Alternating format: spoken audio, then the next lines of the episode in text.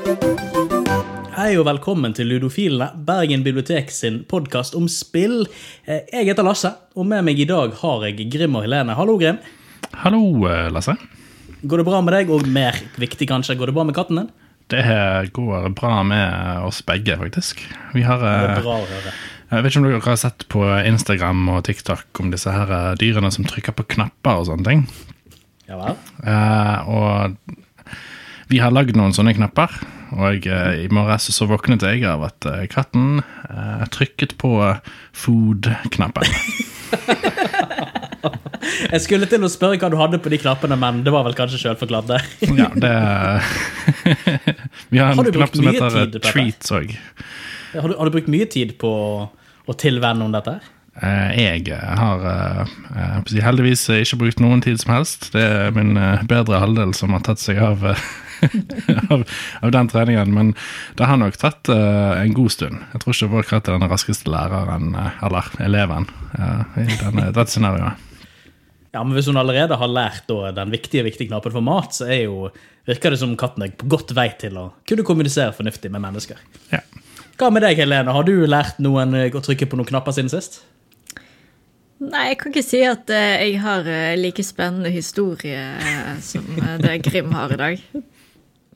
Nei, jeg var veldig over, overveldet sjøl. Altså, dette her er jo eh, Jeg følte at du burde hatt en podkast for seg sjøl. ja, men jeg har heller ikke hatt noen spennende dyr å lære opp eh, til å trykke på knapper, så vi får håpe at jeg får, jeg får sette ambisjonene til neste gang, tenker jeg, sånn at jeg òg har noe like spennende å komme med. Lista er Men høy nå. spenn... Hva sa du der? Lista er høy nå. Det er mye å glede seg til i dag, for i dag skal vi snakke om et spennende tema, e-sport. Det er jo et tema som mange har fått med seg eksisterer. Dere leser kanskje opp det i avisen. Dere ser kanskje eh, ting på TV om at ja, her er en e-sport-greie. Men hva er greien med e-sport? Mange tenker egentlig dette er at det er ikke det bare noen kids som spiller spill? Er det noe spesielt, da? Vi kan ta og begynne med Store norske leksikon sin definisjon, for vi er jo glad i å definere ting på en skikkelig måte. Og det Store norske leksikon skriver om e-sport, er at e-sport er elektronisk konkurransespilling der utøverne konkurrerer mot hverandre i ulike dataspill, på datamaskiner eller spillkonsoller. Noen konkurranser har pengepremie til de beste utøverne. Så det er i alle fall hvordan de definerer e-sport. Som et, et konkurransespill. Det skal være motstandere. Mulig gevinst.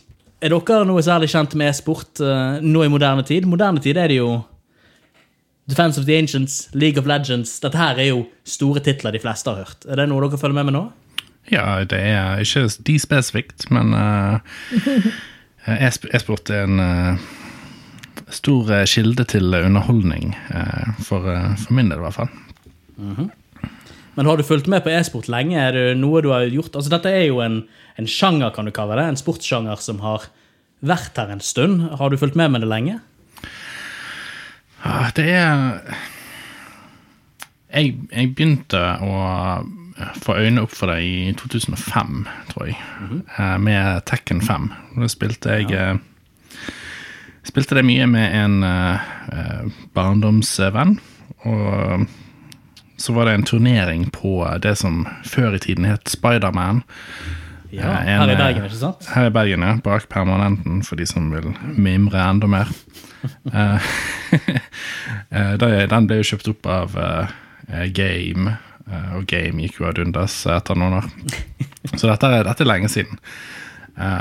Men jeg kom på andreplass i den turneringen. Jeg husker ikke hvem som kom på førsteplass, men eller fant jeg det? Jeg husker ikke. Jeg, jeg spilte i hvert fall der. Og, og så var da, da ble jeg da meldt på automatisk en sånn NM-konkurranse i Oslo på et sted som heter Betong. Eh, der jeg kom på tredjeplass igjen, nemlig. Mm. Eh, det er mye greier der. Og siden da så har jeg på en måte vært interessert i, eh, i e-sport. Det døde litt ut etter noen år, men så når Starcraft 2 kom, Ja. og jeg oppdaget den fantastiske kanalen som heter Day9 TV. og siden da så har jeg nok fulgt med på e-sport i en eller annen form. Eh, gjerne Starcraft, og etter en, etter en stund eh, plukket opp igjen interessen for fighting games, og jeg følger med på EVO og alle de store turneringene som eh, er innenfor fighting game-sjangeren. Ja, når du nevner Starcraft Vi var jo på, jeg og du og en kollega som heter Ingunn, vi var jo på en sånn Barcraft-arrangement. Jeg tror det var i 2012. Det er såpass lenge siden. Ja, jeg husker vi var på Hva var det den Vi var på Teknikerkroen her, her Ja. eh, i Bergen. Ja, for Da hadde de jo arrangert sånn at de hadde, de hadde en bar med skjenketillatelse, og så hadde de da fått seg et lerret der de da viste en, en e-sportturnering, i dette tilfellet Starcraft 2. Eh, og da var det da eh, deler av turneringen de viste der. Og det er jo et konsept som jeg gjerne skulle sett tatt videre, og det er jo mange barer som har prøvd seg med Barcraft-kvelder. Eh, I tilsvarende når man har fotballkvelder og hva enn det skal være. Men det har vel egentlig ikke tatt helt av her i bergensområdet, tror jeg. Nei, jeg vet ikke helt eh, hva som er greia med det. Um, Nei, for Jeg husker det var en Facebook-gruppe her for bergensområdet som het Barcraft i Bergen, eller sånt, som var rimelig aktiv i den perioden, altså i rundt 2012, 2013, 2014. Men det hadde vel ikke vært noe særlig aktiviteter, så jeg er nok redd for at eh, akkurat den avenyen ikke eh, har fått dens gode grobunn. Eh, men det kan jo òg ha litt med at ingen har vært noe som helst sted siste halvannet året. Hva med deg, Helene? Har du, eh, er det en e-sport en ny greie for deg, eller har du røtter langt bakover, du òg?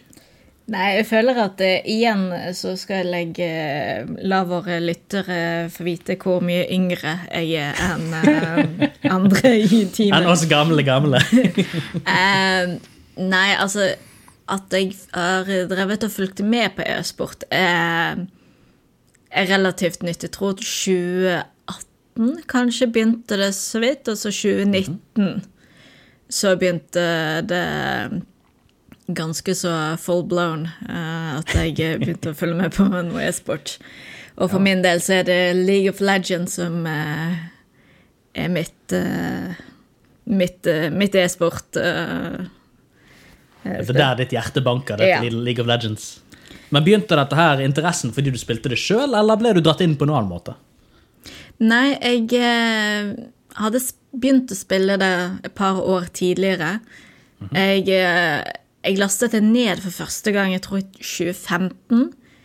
eh, men ikke før i Kanskje Jeg var kanskje rundt 2015-2016, så eh, ble jeg dratt inn av eh, en som spiller eh, Eller spilte det, som lærte meg og en annen hvordan du skulle spille. Fordi når jeg lastet det ned første gangen, og sånn, så jeg skjønte jo ikke bare hva jeg skulle gjøre.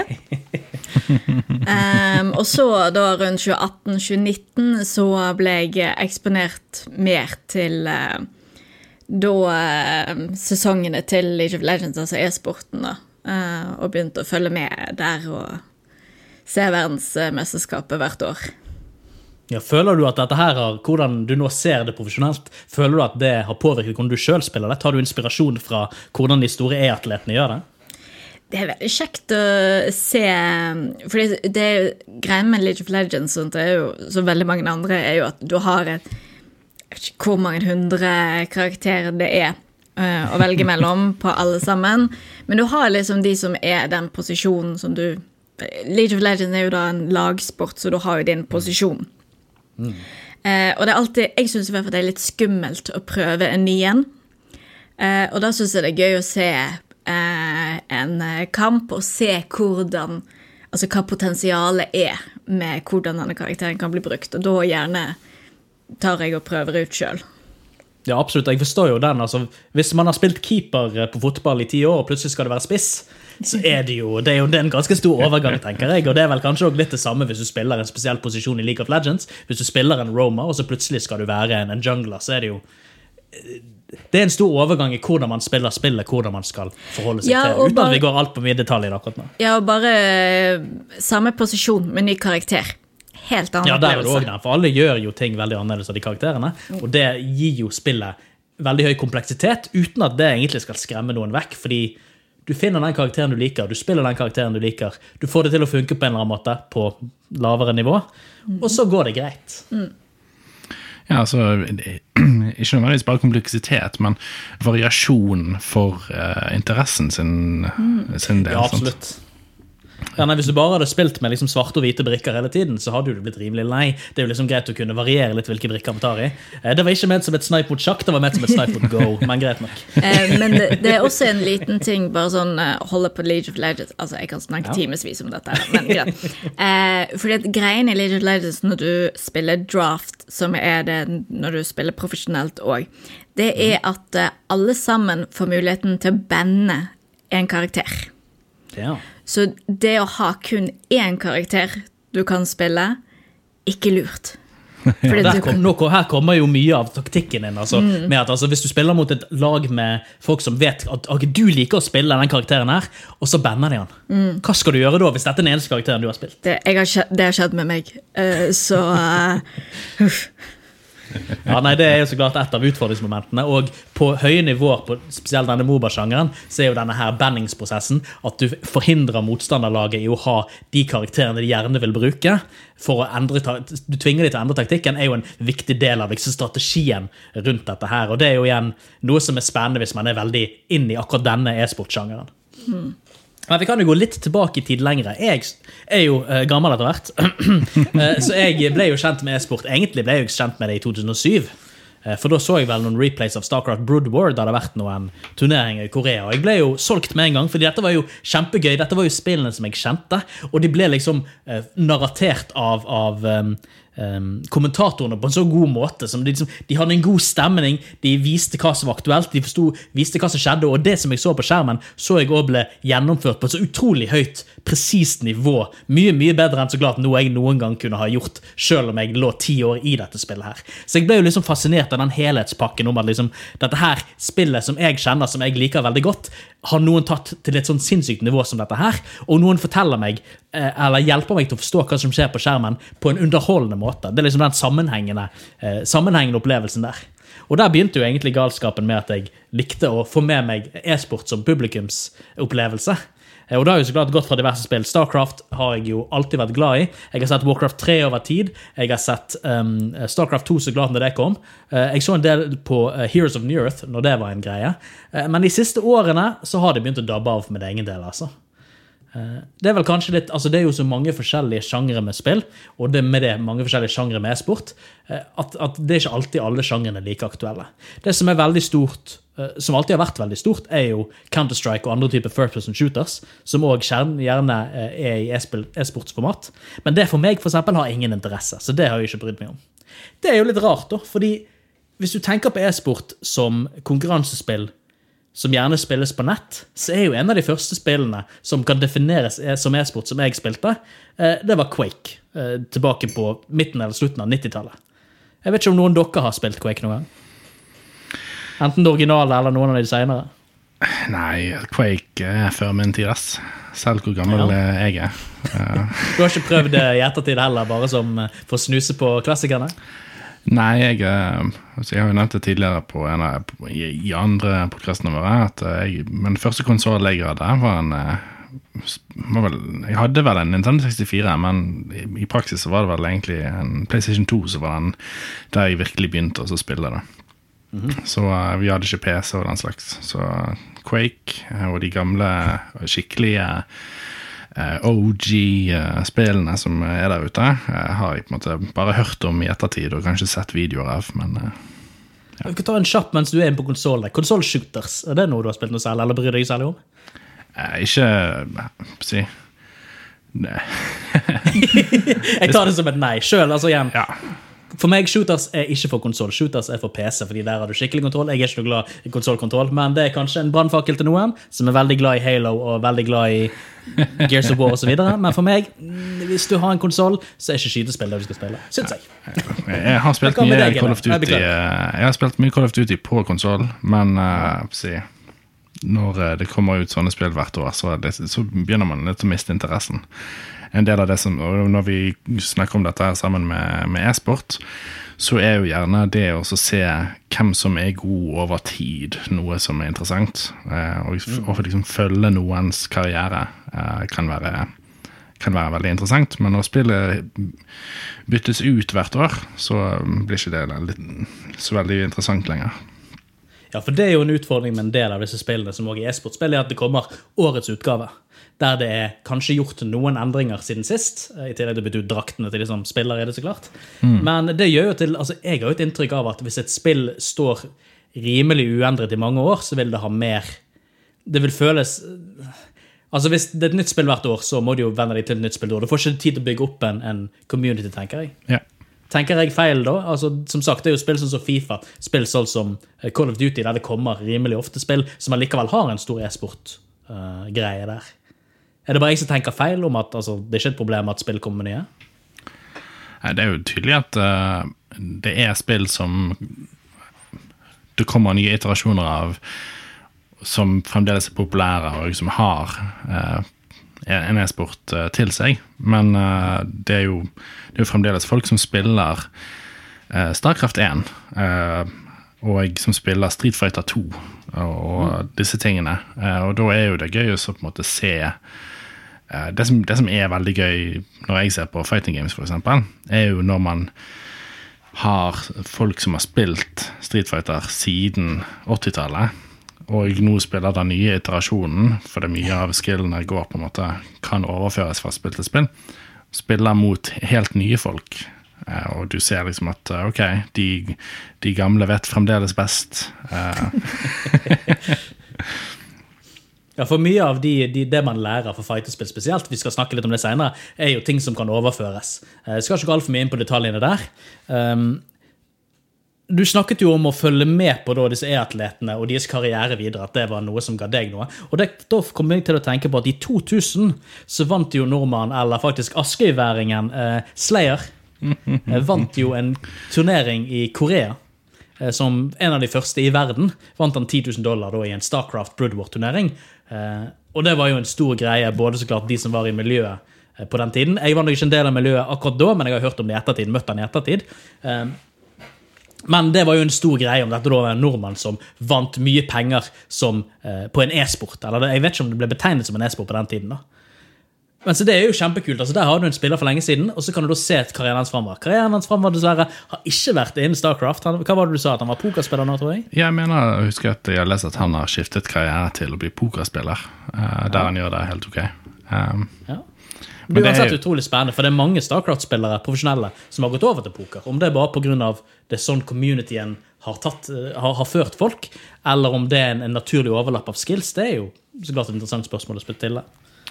Eh, absolutt. Eh, og det hadde jo vært veldig gøy å se hvordan han gjorde det i, mm.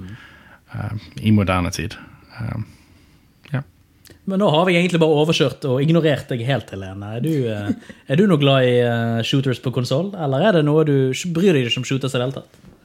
First person shooter er nok ikke helt uh, min greie, men jeg har hørt om eh, Quake og respekterer eh, det Quake eh, førte til eh, eh, Ja, det er viktig å respektere det. Ja, men det, det er jo noe med at Quake er jo en Jeg ser i hvert fall på som en veldig forløper til noe av det som er veldig populært, og kanskje noe av det som ble veldig tidlig, i hvert fall i, i Amerika, eh, det som ble populær e-sport, var- er jo first person shooters. Det er jo fortsatt Ja. eh, Sånn som jeg har skjønt det, så er det den største eh, sjangeren av e-sport er first person shooters. eh, der i Er det virkelig større enn en Moba-sjanger? Eh, Det kan hende at ting er i endring etter hvert nå, men det er sånn det som startet veldig mange av lagene, i hvert fall. Det er sant. det er sant. Ja, spesielt altså Counter-Strike som e-sport er jo en av de staplesene som man vet om når man tenker, eller snakker om e-sport. Så tenker man Counter-Strike, fordi der har det vært veldig sånn profesjonell laginndeling og lagøving siden eh, Counter-Strike var en mod til eh, Half-Life Ja. 1, var det vel. Ja, for sånn som eh, Starcraft og League of Legends vil jeg jo si fikk sin veldig opptur når sørkoreanerne eh, Ja. Fikk eh, inn at dette her var bra. Det er jo de som eh, så, Det var vel de som eh, lagde den første liksom Starcraft-stadion og masse sånne type ting. Altså Det var de som fikk opp de type sjangerne av e-sport. Ja, det er absolutt Sør-Korea som har vært pådriveren på e-sport som, eh, som en underholdning og som en profesjonell industri, der de har eh, skikkelige lag som, som er finansiert av store selskaper. At de har eh, treningsarealer, at de har liksom coaches som passer på at i tillegg til at de fokuserer på god trening, at de liksom har ok, her har du fysisk trening ved siden av. Her har du liksom måter du kan, hvordan du skal strukturere livet til å likevel kunne drive med denne treningen på høyt nivå på et, på et, profesjonelt, på et profesjonelt nivå, rett og slett. Og det er jo igjen eh, Sør-Korea som begynte med denne her, og så har jo da eh, diverse andre tatt til seg da den profesjonaliseringen i sine forsøk på å lage e-sporthus og, og, og ha, få, føre til mer til eh, en sånn høyere e-sports eh, tilstedeværelse hos seg, tenker jeg. Nå jeg vet jeg ikke hvor vanlig det er i Norge med e-sporthus og sånt. Det er vel egentlig konsept som er hovedsak- det er eh, det er kommet mer. Det er eh, noe man kan gjøre etter man har hørt på denne podkasten. Det fins en dokumentarserie på NRK TV eh, som følger norske e-sportutøvere. Blant okay. annet en som er borte i USA og spiller Counter-Strike for 100 Thieves. I hvert fall under innspillingen, så er han på det laget der. Det er en som spiller eh, Fifa, og så er det han, eh, jeg husker ikke navnet, som vant eh, den Fortnite eh, turneringen. Ja, hva var det han heter, da? Jeg følger ikke med på Fortnite, så dessverre får jeg ikke med meg navnene på aktørene heller. Nei, men jeg vet heller. at det var en som vant, vant veldig mye penger nå veldig Ja, nylig. det var veldig mye i eh, media i hvert fall om han og litt sånt, da. Eh, og der Hva er det også heter, eh, Gamers, tror jeg han heter. Så de er veldig kreative på navnet. Men, eh, eh, men der er det også et lag eh, Jeg husker ikke navnet så klart. Eh, men det er et lag som spiller Counter-Strike i Norge, eh, som de følger da. Og de bor i et sånt uh, hus. Et gamingkollektiv Ja, er det vel eh, det eh, kalles. rett og slett. da. Så jo da, det fins i Norge. Jeg tror ikke det er så mange som gjør det på den måten, sånn som de gjør det. Men de er- virker som de i hvert fall tatt liksom modellen fra USA uh, inn i sitt opplegg. Ja, for det jeg er mest kjent med fra USA sine gaminghus, er jo at de har eh, Altså, det, det er mer en, en eh, det, det, det er communityen sjøl som har okay, sagt ok, nå er vi, vi er et lag på åtte folk. Vi kan eh, vi, har, vi samler penger, vi tar og hyrer en manager, og vi leier et areal areale sjøl, eller et, et hus sjøl, og så skal vi da bo sammen og trene sammen og drive. Altså det, det er mer liksom på eget initiativ enn at dette her er et, et firma som vil sponse de og gjøre dette for dem. Eh, Så det er jo kanskje mer den amerikanske spiriten på at de gjør det sjøl heller enn at de får andre til å gjøre det for seg. Men det er jo en, er en litt annen modell som egentlig eh, Om det fører til bedre eller dårligere resultater, det vet jeg jo ikke. Man får jo inntrykk av at Nord-Amerika er på et lavere nivå enn Sør-Korea, men det er jo så klart fordi Sør-Korea er 100 år foran alle andre når det kommer til e-sport. Men ja, konkurransespilling det begynte vel allerede i altså Skal du trekke det langt tilbake? Når folk møttes, spilte eh, spill eh, og kanskje gjorde et lite veddemål på en 50-lapp eller noe. Dette begynte vel så lenge det har eksistert spill, tenker jeg. Eh, Nå tenker jeg mest med digital kontekst. Så du nevnte Pong her før eh, vi begynte podkasten. Og det er sikkert ikke urealistisk at folk veddet en Ok, hvis du vinner over meg i Pong, så får du en 50-lapp, eller får du en pils. Et eller annet sånt. Ja, Og så det, Arkadehaller òg. Altså, du, spiller, du spiller kanskje ikke Time Crisis, men du spiller Tekken og du spiller Street Fighter mot noen. Ok, ja, 'Jeg er den beste i Street Fighter.' Å, nei, men 'Jeg er bedre enn deg.' Å ja, gi meg en 50-lapp, så skal vi se. Den type opplegg. Ja, for du betaler for å slåss mot det, ikke andre veien. Yeah. Sånn det fungerer. ja, det er, der, der det finnes spill, der finnes det eh, noen som setter odds.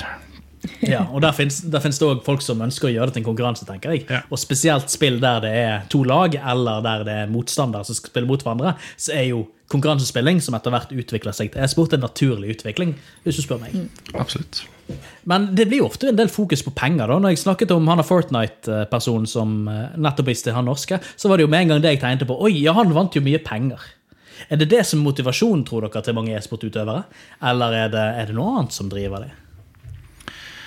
Jeg tror eh, det første som eh, jeg, tror, jeg tror det er litt sånn var helt vanlig sport der. Altså at Det kan godt være at du, at du spiller eh, eh, Du spiller det sammen med noen venner, så blir det en slags lidenskap. Og, og så på et eller annet tidspunkt så deltar du, begynner du å delta i turneringer. Og hvis du begynner å gjøre det skikkelig bra i disse turneringene da kan du begynne å se på eh, sjansene dine for eh, hva, er, hva er sjansen min for å vinne dette her? Du kunne livnære deg på drømmen òg, sikkert. Det, på et eller annet tidspunkt så er det jo at det begynner å bli mer realistisk i bakhodet ditt. Ja, og spesielt når, eh, når du har såpass eh, god online-funksjonalitet i mange av disse spillene som du har nå for tiden, så får du faktisk muligheter til å så teste deg ut mot eh, folk som er kjente navn i, uh, i, i community. da. Eh, Og det var sånn Å, jeg spilte faktisk mot uh, en av liksom, topp 50 spillerne i verden uh, på, på, på online ladder ranked. Og jeg vant faktisk ganske overbevisende. Kanskje jeg skal delta på den der turneringen borte i England. Så reiser du, og så hvis du gjør det bra nok, sant, så ender du opp med å bli sponset. Eh, og at du da, mot at du gir fra deg eh, så og så mange prosent av eh, det du vinner, så det får du dekket reise. Eh, potensielt sett så får du lønn og den slags. Så Altså, det er Ja, for der er jo den profesjonaliseringen. Beklager, bare snakk. eh, Du hører jo Altså, det er jo det samme som eh, unge fotballspillere som eh, får eh, kontrakt med Real Madrid eller Manchester United. Det er jo samme De sier eh, de får, lov, de får gjøre det de elsker som jobben sin. Det, du hører jo det samme fra e-sportutøvere. Det er nok Altså, det er jo Summene det er snakk om i dag i e-sport, er jo sinnssyke. Så det er nok noen som eh, er veldig sånn gira på eh, pengene. Men eh, det virker for meg at det er veldig mange som bare De elsker å gjøre dette her, og de kan leve av det. Og det Ja, er du sier, at det, du, du sier at det er store summer, men nå er det kanskje min eh, politiske bakgrunn som kommer fram. Men altså, de, de sinnssyke summene er jo veldig dårlig fordelt, da. altså, det er, jo, det er jo et veldig, veldig, veldig lite fåtall personer helt på toppen. Du, du kan si det, det er 1% som, som eh, mottar disse utrolige utbetalingene. Størstedelen av de som driver med e-sport, eh, selv om de bidrar, selv om de deltar på et veldig høyt nivå, får jo aldri noen utbetalinger, fordi enten de er ikke sponset, eller de klarer ikke å, å hevde seg helt, helt på toppen. Altså Der er det jo sånn som i League of Legends sin sin Worlds, altså verdensmesterskapet, så er der eh, alle som kvalifiserer seg dit, får en pengepremie. Okay. der er det mye mer fordelt. Der er det ikke bare topplassering. Selvfølgelig topplasseringen får en sinnssyk sum, og så går det jo nedover ut ifra plasseringen din, men eh, det går veldig langt ned. Jeg mener det er alle som får i hvert fall en sum eh, inn, da. Ja. Jo, men til syvende og sist så er jo det et ekstremt lite antall mennesker som kommer inn i Worlds. Så av alle som prøver å kvalifisere seg, og som på mange måter bruker like mye tid eh, som de, de som vinner, eh, på å prøve å kvalifisere seg, så er jo det bare de som vinner, som vinner, eller de som kommer inn i Worlds, som kommer inn i Worlds.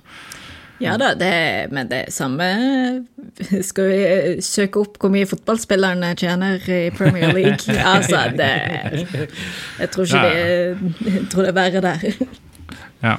Det er en, en ting er å spille på eh, liksom, Åsane, eh, og en annen, annen ting er å spille på Brann, og så er det en helt annen ting å spille på i Real Madrid. Ja, Det- Det er virkelig nivåer som det går på her. og eh, Eneste forskjellen så glad med e-sport og ordinær eh, fysisk sport, er jo at man kan, som du sier, treffe de beste spillerne via internett lenge før man kanskje egentlig kom dit profesjonelt sett. Ja.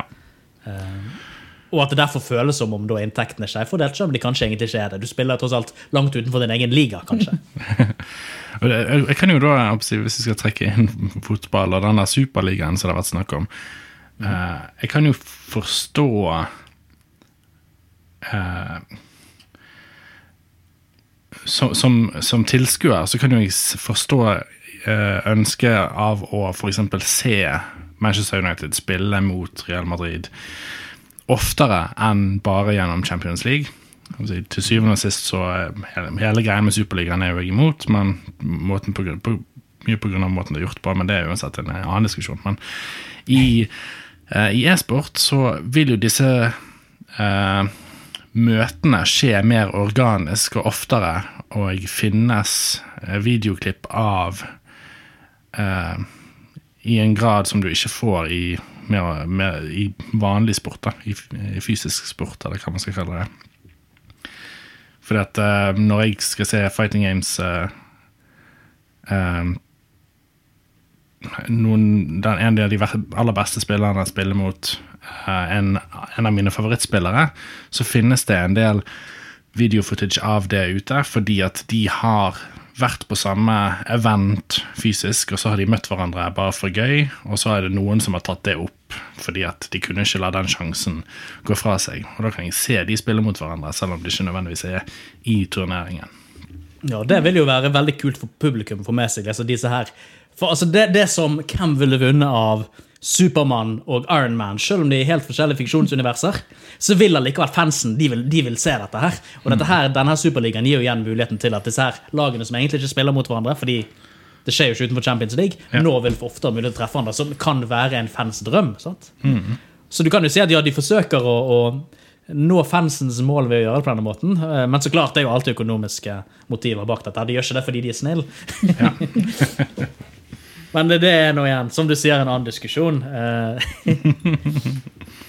Men ja, e-sport er jo ikke det egentlig bare spill som sitt spill, ja. Er ikke det bare unger som sitter på gutterommet sitt og så spiller spill, da? Hva er det som er så sport med dette her? Hva er det som er så profesjonelt med dette her? Det høres jo litt ut som et hobbyprosjekt for meg. Hva sier du da, Grim? Nei, da eh, Da må vi ta dette utenfor. Det er Cash me outside, how about that? Uh, jeg tror um, de som har den tankegangen, de har sannsynligvis verken ønske om eller forståelse for å tenke seg til hva det er som kan være, uh, hva det er som kan skje. Eh, I min, i, i min si, e-sporter eh, som jeg følger med på og jeg er med i sjøl, Fighting Games, så det, møter man veldig ofte på folk som sier å, jeg kan et triks med Addy i tekken. Og du bare trykker masse på sparkeknappene, så gjør han masse gøy. Eh, og de har jo da ingen forståelse for eh, si, sportdelen av spillet. Sant? Det er jo ingen, ingenting gale med å trykke på kickbuttons kick med Addy i tekken og ha det gøy, men de spiller på mange måter et helt annet spill enn det jeg gjør. da. Fordi at det er, det er så mye mer eh, involvert i eh, spillet som krever tid og fokus. Sant? Når, eh, når du som har det gøy med Eddie og trykker på kickbuttons, så vet jeg hvor lang rekkevidde hvilken rekkevidde jeg må stå på for å ikke bli truffet av det. Og så vet jeg lengden på animasjonen som du gjør, og hvordan jeg kan straffe den på reaksjon med å være på riktig, riktig sted. Ja, og nå nevner du jo litt av det som, som skiller oss vanlige døde fra oss vi døde. Oss vanlige, vi er heldigvis ikke døde ennå, men oss vanlige dødelige fra da e-sportatletene, som de så fint kalles. Og det er at de har den presisjonskunnskapen. Altså, vi trykker på knappene. Vi vet sånn cirka hvor raskt det er, vi vet sånn cirka hvor det når, men de vet det nøyaktig på framen Ja. på pikselen på skjermen hvor langt dette trikset tar, hvor lang tid det tar å bruke, og hvor mye tid de har etter de har trykket knappen, før de kan trykke neste, og hvor lenge, de vil være utsatt eller i trussel for å bli truffet av et motangrep. Yeah. Så det er sånn utrolig eh, presisjon som, som folk kanskje ikke tenker på når man ser en e-sportkamp. At dette her, ok, de ser en, Hvis det er for eksempel, eh, et fighting game, hvis vi fortsetter den eh, sammenligningen Hvis de ser da Eddie løper bortover, og vi ser at spilleren hammer på kontrollen, og vi ser at beina til Eddie flyr rundt og rundt, fordi det er det Eddie gjør, så tenker man kanskje ikke på at dette her blir gjort med millimeterpresisjon. At denne personen trykker på de knappene i akkurat de rette framesene for at han skal kunne treffe fienden på akkurat de rette tidspunktene, når fienden ikke kan beskytte. Ja, nei, det, det er jo nøyaktig det som er forskjellen. Det er litt som å Uh, Jeg gjorde denne sammenligningen før vi begynte med, med git- gitaren. Sant? mm. du, du slår jo på strengene på gitaren, men hvis du bare slår tilfeldig, så er det ikke som at det kommer musikk ut, eller låter ut. Sant? Det er jo, hvis ikke du vet hvordan du gjør en eh, A, D og en G osv., så, så kan ikke du lage sanger som inkluderer disse akkordene. Eh, og det er forskjell på om du slår på alle strengene samtidig, eller om du tar én streng om gangen osv. Og dette her er nå, altså, Da er vi litt på kunst, hvis vi skal trekke den sammenligningen. med at altså, For å lage god kunst er det ikke nok å kaste noen farger på et lerret, sånn som mange gjerne tenker når de ser eksempel en eller annen type ekspresjonistisk maleri. Eh, poenget her er jo at de vet hva som kunst består av, og de har gjort et valg om å gjøre noe annerledes fordi de vet hva kunsten er. Ja. Så selve måten de gjør det for eksempel med ekspresjonisme, er jo igjen det at de vet hvordan for eksempel ordinær bruk av, av kitschy eh, kunst er, og de gjør noe helt annet som reaksjon på den som eksisterer. Så det er, du må vite hvordan kunsten eh, fungerer før du kan bryte med normene og lage ditt eget kunstneriske uttrykk. Det samme er jo det også med, med e-sport. Du må vite hvordan spillet fungerer, hvordan spilleren spiller, før du kan bryte med hva de gjør, og finne på din egen, din egen reaksjon. Så det er ikke bare å trykke på tilfeldige knapper som Eddie for å vinne, selv om man gjerne kan gjøre det til opp til et rimelig høyt nivå, vil jeg påstå. Men hva med deg, Helene? Har du eh, millimeterpresisjon på League of Legends-spillingen, din, eller er du litt på, litt på hobbynivå, sånn som jeg er når det kommer til det meste e-sportsrelatert? Nei, altså på spillingen sjøl så er jeg så hobby som eh, det går an. Eh, det er Altså, jeg vil jo påstå at jeg har, eh, har teknikken inne på eh, Nami, som er favorittkarakteren min, og litt på Laks. Men og, Fordi det er litt sånn For jeg tenker litt sånn når du snakker om eh, e-sport og sånt, ja, men de bare sitter og trykker på ting. Ja, men jeg kan gå ut på fotballbanen og bare sparke på en ball. Altså, Det gjør ikke meg til en fotballspiller. Eh, Nei, men Altså- Skal du prøve å trikse, så er det jo ikke sjans, og det klarer jo fotballspillere. Ja. Så det viser igjen litt av forskjellen på meg og kanskje Ja. da en profesjonell fotballspiller. Ja, og- jeg, jeg blir ikke Ronaldo selv om jeg kan eie en fotball. Nei, og det er litt sånn at eh, Sånn som i fotball, for i fotball, og du må vite Altså Hvis du er spiss, så må du vite liksom, hvor skal du plassere deg når ballen kommer fra den siden. Altså Det er veldig mye mer enn å bare sparke ball. Selv om en som ikke liker fotball, vil si ja, men de bare sparker en ball rundt, og du ser på det. Eh, på den måten kan du si ja, men de bare trykker på knapper, og du ser på det. Ja, men de vet nøyaktig hva de skal gjøre. De vet nøyaktig når de skal gjøre den komboen. De vet nøyaktig når de skal trykke på den knappen, hvor de skal plassere seg. Og altså å se på sånn som finalene av League of Legends, eller bare generell sesongspill med to eh, gode lag hvor de spiller karakterer som de virkelig kan. Altså, det, det er helt fantastisk, fordi jeg sitter og tenker jeg hadde, aldri, jeg hadde aldri klart dette her. Eh, og det er litt den følelsen jeg får også når eh, Hvis du er, sitter og ser på hvilken som helst sport. Du ser det jo gjerne fordi at du hadde aldri klart det på den måten som de gjør. Nei, Og det Absolutt. det er Altså, alltid, ja, ja. Også, beklager. Det, det er alltid uh, gøy å se på eh, den slags type lagspill. da. Uh, fordi at det er så mye som skjer der som du ikke engang tenker over før plutselig så uh, Måten de setter opp feller på. Ja. Eh? Der eh, Å, nå går den ene på laget inn der for å vise at Sånn at de andre kan se at den personen er der. Og så går de ut, og så bare sånn Å, hva var det for noe? Men så er jo det tydelig at uh, nå har det alle de andre på motstanderlaget så på minimappa at nå gikk den personen ut i det synlige området, og så skaper det en reaksjon. Men den reaksjonen var jo framprovosert av det første laget. Og så setter de opp en situasjon der som jeg kun forstår etterpå, fordi at kommentatorene har på en måte forklart dette til meg. Ja, men det er liksom å se det og det- er gjerne, Jeg er veldig glad i lagspill sånn generelt, så der er jo League of Legends en veldig sånn appellerende, da. Men å se sånn den der kommunikasjonen med en liten ting som blir gjort, og så er det en reaksjon fra det andre laget, og så plutselig er det en teamfight og aced, og hele andre motstanderlaget er død, og altså bare en sånn liten ting som de sikkert har trent på jeg vet ikke hvor mange hundre kamper, og så når den er vellykka Det er så satisfying eh, å se på. Ja, for altså, Det er jo mange manøvre som laget sikkert har trent på. Når man tenker på League of Legends som en spiller sjøl, så tenker du egentlig i hovedsak på hva du gjør med din karakter. Ja, Du vet jo at du har et lag, du har kanskje noen høyere tanker om hvordan laget bør oppføre seg sånn at du får det bedre, Eh, men dette her er jo lag så klart som som koordineres som et lag. De planlegger spillplanen, strategien for hvordan hele laget skal fungere. Og så har de jo en sånn taktisk forståelse på hva som skjer i spillet, i tillegg til også sin egen kontroll. Som så klart mange nivåer over det vi som, som hobbyspillere noen gang vil kunne nå. Ja. Eh, Og det er jo igjen viktige elementer. Og så har du òg det med metagame, som jeg gjerne ville nevne. om at I tillegg til å kunne styre karakteren i tillegg til å kunne lage eh, feller, til å kunne utforme strategi og kunne bruke taktikk med ditt lag når dere spiller, så må jo du ha en forståelse for hvordan spillet eksisterer i sin nåværende situasjon, og hvordan folk spiller det. Og der har du jo hele konseptet med metagame. Eh, for der er det jo igjen du må ikke bare, Hvis du spiller sjakk, så er det ikke nok å vite hvordan sjakk spilles, og hva sjakktriks, sjakkfeller du har. Du må òg vite hvordan en motstander vanligvis spiller sjakk. Hva trekk det er realistisk at de vil bruke. Og det er jo hele metagame-forståelsen òg i e-sport. liksom med at Du må kjenne din motstander, sånn at du kan klare å sette opp en strategi eh, som vil fungere mot dem, og som vil, vil motspille da deres ønsker, hvordan de vil spille. Og det er jo gjerne et nivå som man på ingen måte kan vite, med mindre man har eh, veldig god forståelse både for spillet og for lagene.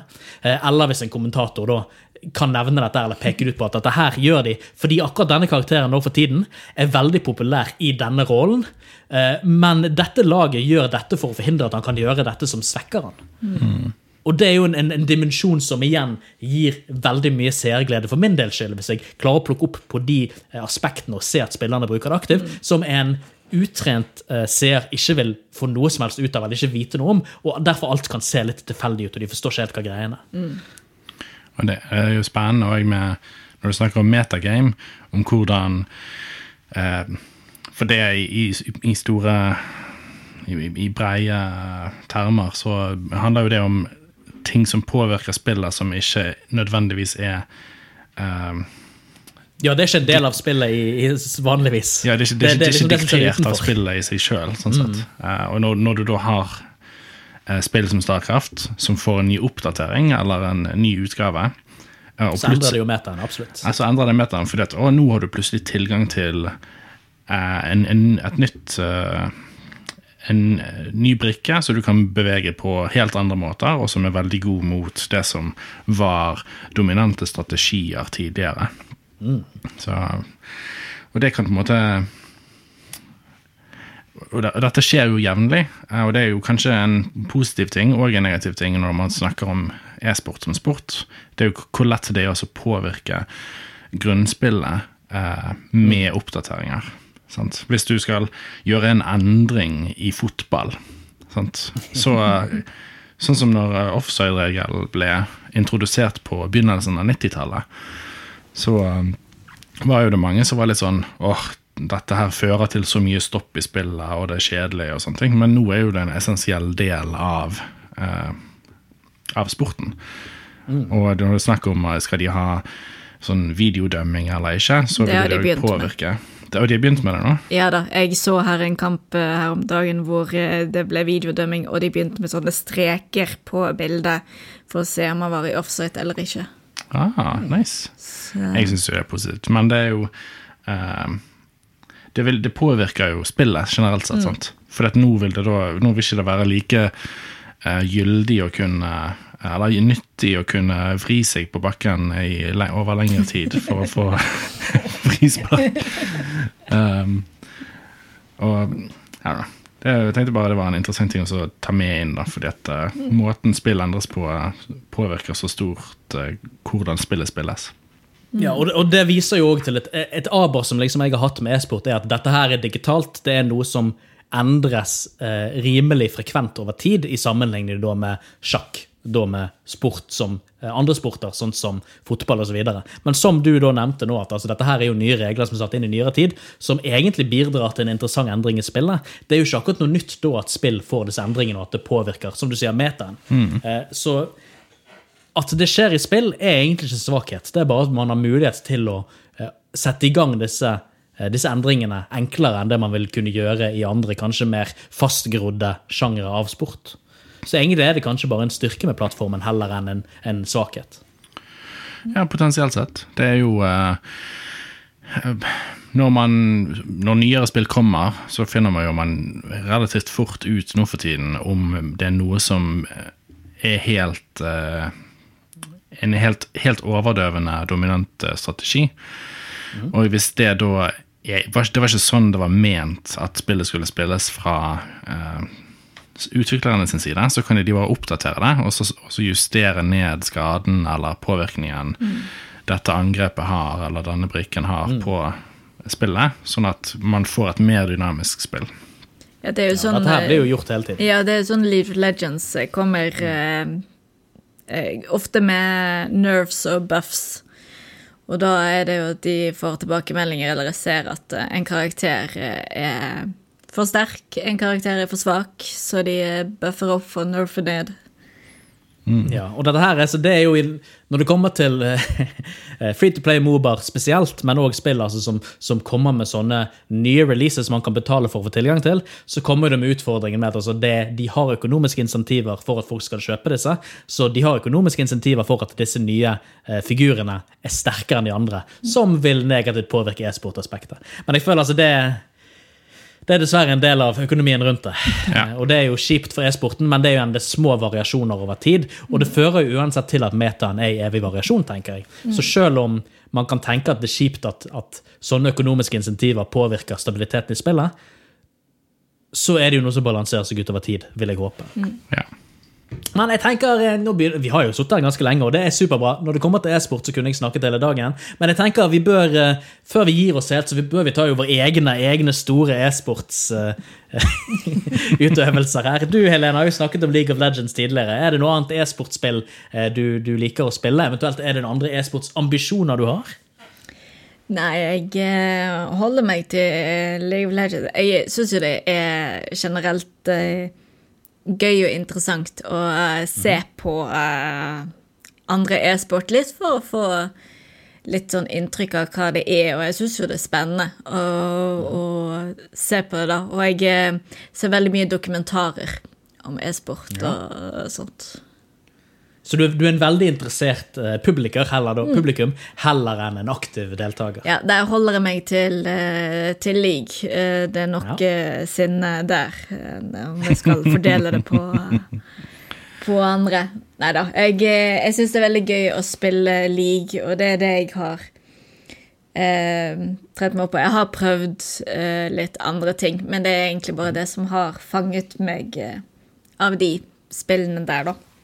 Ja, Sånn er det jo med publikumsopplevelser. at det er noe som, som fanger deg, og så finner du ut ok, dette her var det jeg likte, og så er det noe som ligner. Men hvorfor skal man se på det som ligner når man allerede har noe man liker? Så der er det jo bare på hva som fanger deg først, tenker Ja. jeg, eller som fanger deg best. Ja, for det kunne like gjerne vært eh, Dota. Ja, det, det, er sånn, det er mange tilsvarende spill innenfor sjangeren, så da er det opp til hva som snakker mest til deg i øyeblikket når man oppdager det. tenker jeg. Mm. Men eh, spiller du som oftest alene, eller har du et lag kanskje, eller en fast partner du spiller med? Hvordan fungerer det? Eller spiller du alene? Jeg Er spiller mest, vel alene? eh, mest alene. Eh, Du blir jo plassert Så det er ikke så mye lag. lagtaktikk Det er ikke så mye lagtaktikk du øver på? Jeg prøver eh, jo uh, i chat eh, og sånt med de jeg eh, havner på lag med, eh, men uh, spilte en periode med Grim og eh, en annen, blant annet, og har hatt en annen periode med to andre og litt sånt. Eh, Men eh, altså, hvis du skal bli skikkelig god, så eh, må du ha et eh, lag som du spiller med hele tiden, men som jeg sier at jeg er veldig hobby på det, så jeg syns det er kjekt å bare hoppe inn i et spill. Eh, for det er, men det, da blir det veldig mye mer om min prestasjon, egentlig. Altså at jeg, Så lenge jeg føler at jeg gjør en god jobb, så så det er det viktigste for min del, da. Men eh, det Ja, altså det, det føles jo godt når man føler at okay, det du gjør, er bra for laget. Ja. Du har det gøy når liksom, du, du, du klarer å yte positivt Ja. for laget ditt, istedenfor at du er en, en, en klubbfot som ikke helt fungerer. Ja, men det er veldig gøy. Altså, jeg har havnet i tilfeldige lag hvor eh, dynamikken har funket kjempebra. Og så er- har du en mulighet etter at eh, kampen er ferdig, om å fortsette å altså, gå inn i neste kamp med en eller flere fra det laget du nettopp var på. Du kan invitere det inn i Da får jo man sånn provisoriske lag som fører For dagen, da. Man tar jo de sjelden videre, vil jeg tenke. Ja, sjelden, men jeg har opplevd eh, det, at det er en eller to stykker eh, Siden jeg spiller gjerne support, eller spiller mest det, så har jeg alltid én, den som er i botlane, sammen med meg. Og det er ofte jeg har endt opp med å fortsette å spille med den samme botlanen eh, gjennom et par kamper, fordi at eh, kommunikasjonen og dynamikken var såpass god at jeg bare fortsetter videre med de. Ja, Det syns jeg er veldig kjekt med Moba-sjangeren generelt. Det er liksom at Man finner noen å spille med, for dette er jo lagspill. Og jeg, altså Selv om man kan få mye ut av det som enkeltspiller, så merker jeg at frustrasjonen min ofte blir mye mye sterkere hvis jeg spiller alene, mm. enn hvis jeg spiller sammen med noen som jeg liker å spille sammen med. Både fordi jeg da vet at jeg har noen jeg kan støtte meg på, og fordi altså, man har større mulighet til å påvirke spillet Ja. som to eller flere enn som enkeltperson. Absolutt. Hva med deg, Grim? Du er, jo, er du en aktiv aktør, eller er du passiv? Jeg er både aktiv og passiv, for å si det sånn. Men eh, jeg er, ikke, jeg er ingen lagspiller. Så det er enkeltmanns- eller enkeltkvinnes spill du foretrekker, Eh, ja, det- jeg, eh, som er sport? jeg, jeg har jo spilt en del eh, eh, Eller jeg har spilt litt eh, Jeg har jo spilt et titalls timer eh, med League of Legends, hvis ikke hundrevis av timer. Eh, og jeg, eh, nå i det siste så har det gått mye i Heroes of the Storm, som er på en måte litt av det samme. Eh, Men det jeg liker å spille mest, det er fighting game-spill der jeg har ingen andre å skylde på hvis jeg taper, så det er helt og holdent min egen feil. Jeg kan ikke få skylden for at nå var det pga. meg at hele laget tapte, og hele den greien der. Så det føles mye Sunnere. Det føler ja, jeg blir, Hvis jeg blir irritert, så er det mer sånn ja, Det der skulle jeg ha visst bedre, Eh, så det må jeg øve på. Du har kun deg sjøl å skylde på, ja, så da slipper du den både altså, irritasjon over andre mennesker og kanskje den prosjiseringen av egentlig er du misfornøyd med deg sjøl, hvor du legger det på andre. Så det er jo Ja. mange dimensjoner her. Ja, og det er, det, det er så lett å så se uh, forbedringer, fordi at hvis jeg har lært en ting, og jeg begynner å ta det inn i spillet, så merker jeg det med at, at jeg vinner oftere. Mens hvis jeg spiller League of Legends og jeg, jeg har lært meg uh, noe nytt der, så er det sånn vanskelig å si uh, om jeg egentlig har forbedret meg hvis vi fremdeles bare taper? Var det pga. at jeg ikke gjorde det jeg nettopp lærte, bedre? Eller var det fordi at de jeg spilte med, ikke var gode nok, og at det var derfor jeg tapte? Så det er litt lettere å se progresjon i fighting games, syns jeg. da. En, Absolutt. ja, og Det er jo igjen det forskjellen mellom å spille altså, et Moba som enkeltspiller og spille et Moba som gruppespiller. Altså, du vil kunne se framgangen med et lag, men spiller du som enkelt, som igjen, du vet du har ikke oversikt over at det var din om det var dine mangler som førte til dette tapet, eller om rett og slett du har blitt forbedret, men andre faktorer har gjort det. Ja, og en, en annen ting er jo at fighting games tar gjerne bare eh, Hvis du skal ta én kamp, så er det gjerne førstemann til å vinne tre runder. Så maks så er det sånn ca. fem runder før én kamp er ferdig. Og det tar gjerne bare fem minutter, og så er du ferdig. Så det er lettere å eh, å komme seg gjennom, da. Mens hvis du begynner på en League of Legends-kamp, eh, så er det litt sånn, og du merker at å, nå, nå ligger vi under 10-0, og det har bare gått 15 minutter, så er det sånn bygget inn i eh, spillet at jeg har ikke lov til å spørre om å så surrendere kampen før det har gått 20 minutter, eller noe sånt. Eh, så du er på en måte tvunget til å så lide deg gjennom resten av kampen til eh, nok folk er enige om at ja, dette er faktisk kjørt, og vi kan gi, overgi oss. Eh, Så det er mye mindre tidskostnad å spille fighting games enn det er å spille ting som League of Legends, i mine øyne. Absolutt. Men jeg husker jo at når Starcraft 2 Wings of Liberty kom, så var jo du rimelig giret på å sette i gang med det. Hvordan Absolutt. gikk det med den? Um, nei, det, var, det kom ned til det tidsgreiene, da. Eh, og Jeg lærte meg en del, og jeg så jo massevis av eh, må si hundrevis av timer uh, av liksom Day 9 som snakker om strategier, og det er utrolig gøy å se på. Men når, du, når jeg liksom skal styre hvor, mange, hvor mye larver jeg får med circlingene mine, og jeg er queen, og så bommer jeg på en timing der, så jeg har ikke nok overlords, og så det, har det gått ti minutter, og jeg vet at det tar gjerne ti minutter til før motstanderen min dreper meg. Eh, det, var, bare sånn en tidskostnadssak der som var for frustrerende, da. Det, det er mye lettere å ha Ok, det er nå er det 60 sekunder denne runden varer, og jeg skal prøve på denne ene tingen her. Og hvis jeg ikke får den til innen 20 sekunder, så er jeg sannsynligvis allerede død, og runden begynner på nytt igjen med en gang. Istedenfor at Og på, på 6 minutter og 20 sekunder så må jeg trykke på uh, create uh, Eller infuse uh, Town Hall, nei, hva det heter uh, Infused Infuse Larva i ja, hva det heter. Ja, infuse, Det er en stund siden jeg har spilt uh, Starcraft 2. ja, men det er den du, du har så mye større tidsrom å gjøre feil på. Og hvis du har gjort feil, så kan det ta lengre tid før du finner ut at den feilen er gjort. Og så tar det mye lengre tid igjen fra det punktet der til å finne ut at å ja, det var derfor jeg tapte. Jeg tapte på tolv minutter pga. en feil jeg gjorde på seks minutter. Eh, og så må du liksom huske det til neste kamp, og så ja. Ja, nei, det, spesielt Zerg, som du nevner, har jo altså akkurat det der med, med infusing og sånt, har jeg alltid syntes var rimelig forvirrende. Så jeg har jo spilt Terran, der du bare hamrer Make Marines til fienden dør. Det er mye gøyere. Two, two racks rush. Oh yeah. all. Yes! Nei, jeg sjøl har jeg jo eh, spilt en del e-sportspill, men ikke så veldig i e-sport-øyned. Jeg hadde jo mine klaner eh, i Quake og i Counter-Strike og i Starcraft osv.